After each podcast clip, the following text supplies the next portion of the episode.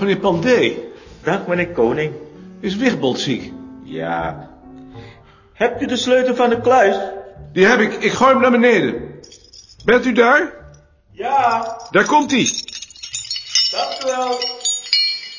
Grauw is uw hemel en stormig uw strand. Pom, pom, pom, pom, pom. Toch heb ik innig uw lief, o mijn land. Morgen. Dag Joop. Is Gijs nu al terug? En Eh, hij is gesignaleerd door een buurvrouw. Hij zit inderdaad in de tuinen. Moet je hem dan niet vangen? Waarom? Want hij daar te eten krijgt. Ik zou hem vangen, geloof ik. Niks hoor, bij mij piste die de boel onder. Ik ben blij dat ik hem kwijt ben.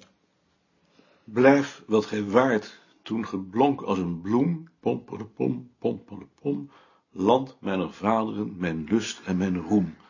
Dag Ad. Joris is dood. Joris de hond van Mia? Hoe is dat gekomen? Pleuris. Gaat het zo gauw? Mia heeft hem laten afmaken. Is Mia er al? Ze heeft zich ziek gemeld. Ze heeft de hele nacht niet geslapen. Dat zal een klap voor haar zijn. Reken maar. Is dat de eerste kaart van de atlas? Ja, En hoe verklaart hij dat nou? geen idee. En wat de donkere toekomst bewaart, wat uit haar zwangere wolken ook worden, lauren behoren aan het vlekloze zwaard, land eens het vrijst en gezegendst der aard. Dag Maarten. Dag Leen. Dag Lien. Dag, Ad. Is dat de kaart van de Europese atlas? Ja, dat zijn wij. Nou, Daar is haast niets van te zien, hè? Als je dat vergelijkt met onze kaart, Ad. Weet je nog wanneer die kaart van ons gepubliceerd is? 1969? Ehm, 1970, elf jaar geleden. Die van ons was heel wat genuanceerder. Wie heeft die kaart dan vereenvoudigd? Zijner. Eigenlijk ontzettend Duits, hè, zo'n eh, Europese kaart. Je ziet die tekens vanuit het centrum van Europa opmarcheren naar de randen. Denk je dan dat die Europese atlas eigenlijk een Duitse onderneming is? Ongetwijfeld. Net als de Europese gemeenschap. Ze zijn allebei een product van het nationaal socialisme. Dus je vindt het eigenlijk niet eens leuk dat die kaart er is. Nou, niet, niet leuk. Het, het, het interesseert me niet. Ik interesseer me alleen voor mijn eigen land. Europa interesseert me geen ene moer. En Frankrijk dan toch? En Auvergne. Dag Mark. Stoor ik? Nee, ze stuurt niet. I- Is dat een kaart van de Europese atlas? De kaart van de jaarvuren. Interessant. I- Ik kwam eigenlijk voor jou. Heb je even tijd? Ga zitten. Nee, nee, nee, het gaat zo wel. Eh, Wou jij dat onderzoek van Rie nog in de vergadering brengen? Tuurlijk. Tegelijk met dat van Frits. Als ze een probleemstelling hebben. Eh, Mag ik daar nu al wat over vragen? Ga je gang. Waarom moet ze eigenlijk ook de boedelbeschrijvingen doen waar geen muziekinstrumenten in zitten? Omdat wij ons niet voor de mensen zelf interesseren.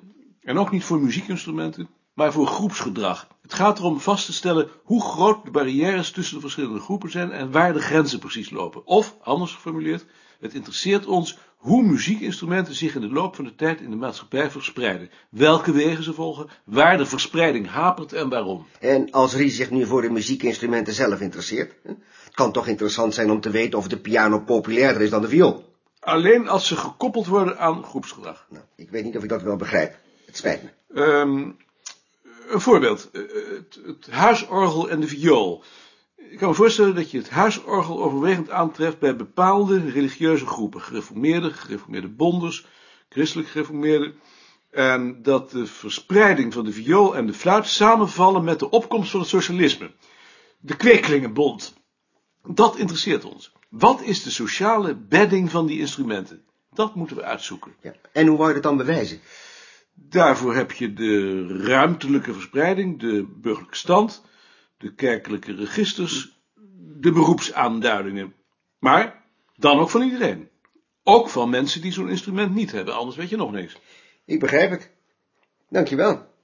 Je zou dat eigenlijk eens moeten opschrijven. Ik dacht dat ik niet anders deed. Die is door Rie gestuurd. Ik zal nog eens met hem moeten praten. Denk je dat het helpt? Het zal toch moeten. En dan te bedenken dat het me allemaal geen mieter interesseert. Hebben jullie dat ook, dat de bandrecorder het zo vaak niet doet? Laat eens kijken. Wanneer heb je er voor het laatst batterijen in gedaan? Dat heeft Klaas gedaan, vorige week. Klaas. Doen jullie dat dan altijd zelf? Dat is wel veiliger. Sparrenboom in de bocht. Veel te kleine batterijen, kijk, met keurig vastgezet. Zou dat een reden Ja, zijn? die heeft hij natuurlijk ergens voor een spotprijsje op de kop kunnen tikken. Ik denk het. Omdat hij gehoord heeft dat we moeten bezuinigen. Ik zal er wel met hem over praten. Of heb je hem meteen nodig? Hm, voorlopig niet, maar ik wil het ook al doen. In dit geval kan ik het beter doen. Vrouwen neemt hij sowieso niet serieus. Is de Europese atlas verschenen? Althans, de eerste aflevering. Nou, wat geweldig. Nou zou je toch eigenlijk moeten tracteren. Dat is toch een mijlpaal? Hoe lang hebben jullie daar niet over gedaan? 25 jaar. Eigenlijk 45 zelfs, want we zijn er voor de oorlog al mee begonnen. En wat kan je daar nou uit opmaken? Dat weet ik nog niet. Daarvoor moet ik eerst het commentaar lezen. En dan trakteer je. Tegen die tijd ben ik jarig en dan trakteer ik. Maar is dat nou wel wetenschap wat hier gedaan wordt? Natuurlijk is het geen wetenschap. Dag meneer Koning. Dag meneer Sparboom. Ik heb u in tijd niet gezien. U bent toch niet ziek geweest? Ik was er toch wel hoor? Omdat ik u nogal eens zag als u naar huis ging. Maar u gaat tegenwoordig misschien wat vroeger. Maar ook niet. Maar ik hoor u vaak wel. We zullen elkaar op een haarnaam missen of iets. Dat kan gebeuren. Iets anders. De bandrecorder van uw afdeling. U herkent hem. Ik heb hem onlangs nog in orde gebracht voorzien. Maar toen waren de batterijen al na een uur leeg. En ik denk dat ik wel begrijp waar dat aan ligt. Die batterijen lijken me niet helemaal berekend voor hun taak. Dat komt, het is maar een klein winkeltje en de batterijen van u hadden ze toevallig niet in voorraad. Zou het dan toch niet beter zijn om ze in dat geval in een andere winkel te kopen? Dat kan, maar hier zijn ze altijd wat goedkoper en mevrouw Bavelaar klaagt altijd al dat het allemaal zo duur wordt. Maar in dit geval is goedkoop duurkoop. Daar hebt u gelijk in. Wat doen we nou? Ik zal een nieuwe inzetten. Als je nog een kop thee wilt, er is nog. Ik heb al tegenroken. Dan drink je er nog heen.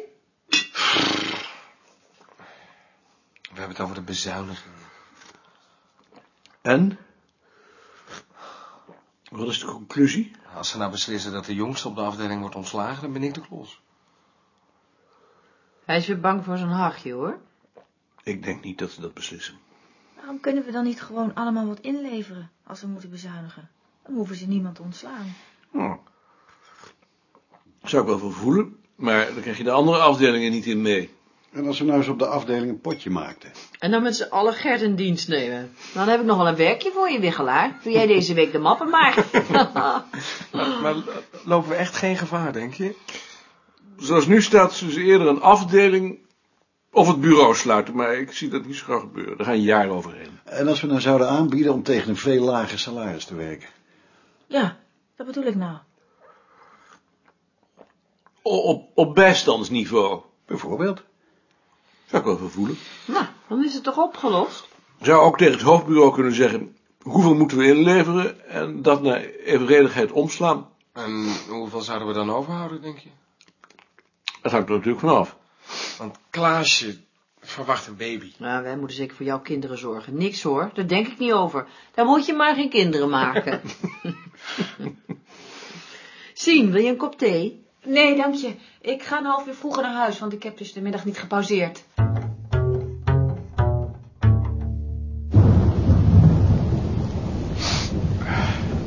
Kijk eens, daar hebben we Maarten. Die komt ons verlossen.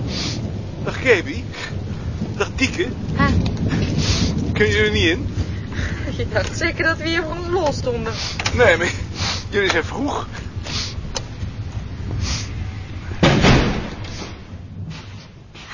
Jij bij de telefoon gaan zitten tot de Vries komt, Kirby?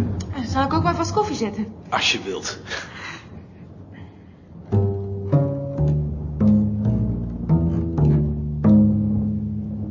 Nou, Gijs is weer terug hoor.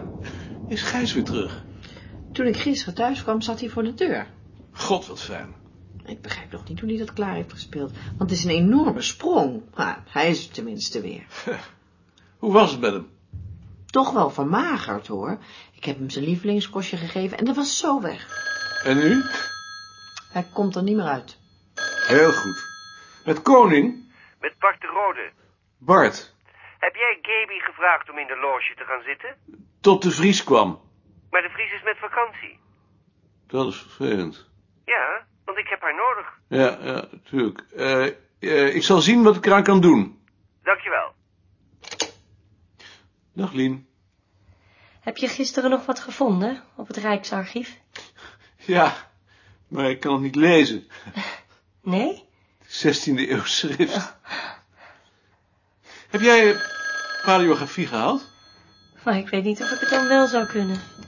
Met koning? Je moet het eigenlijk ook zelf kunnen. Met Jantje. Jantje, Maar ik wil het wel doen. eh, ik moet er eens over denken. Nou zit er niemand meer bij de telefoon. Gaby zit er toch? Die is door Bart de Rode weggehaald. Wie denk je dat er voor de deur zat toen ik thuis Is Balk er niet? Nee. En Van D is vandaag ook vrij. Dus ik heb niemand. Ik kom. Dag Ad. Regent het nog? Behoorlijk. Waar is Wichtbold nou weer? Ja, die meldt zich altijd ziek als de Vries met vakantie is. Want dan moet hij ook nog de telefoon bedienen. Nou, daar is hij niet voor aangesteld. En Bekenkamp? Bekerkamp is ook ziek. Er blijft alleen goud over. Ja, maar dat wil Koos niet meer. Wat nou voor onzin? Zolang de vacature Meijering geblokkeerd blijft, wil hij geen medewerking meer verlenen. Is Kosten? Koos is in Denemarken bij zijn vriendin. Dan zal ik tegen Goud zeggen dat hij waarneemt. Wacht nog even, ik stuur hem naar je toe. Meneer Goud. Dag meneer Koning. Dag Lies. Dag Maarten. Meneer Goud, de Vries is met vakantie en Wichtbold is ziek. Zou u vandaag beneden de honneurs willen waarnemen? Dat zou ik wel willen, maar meneer Rentjes heeft me dat verboden. Maar wat vindt u zelf? Ik vind het wel prettig werk. Niet vervelend? Nee, ik mag het alleen niet meer doen. En dat werk daar, kunt u dat ook beneden doen? Dat kan ik ook best beneden doen, ja. Goed, dan heb je dat werk dan mee naar beneden, dan zal ik een briefje op het bureau van Rentjes leggen. Maar krijg ik daar dan geen moeilijkheden mee? Nee, die krijg ik. U hebt gedaan wat u kon. Juffrouw Bavelaar zit op u te wachten.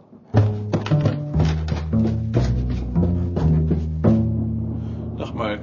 Hoi. Koos en Elke zijn er niet. Ik weet het. Koos, ik heb noodgedwongen de hulp moeten inroepen van goud.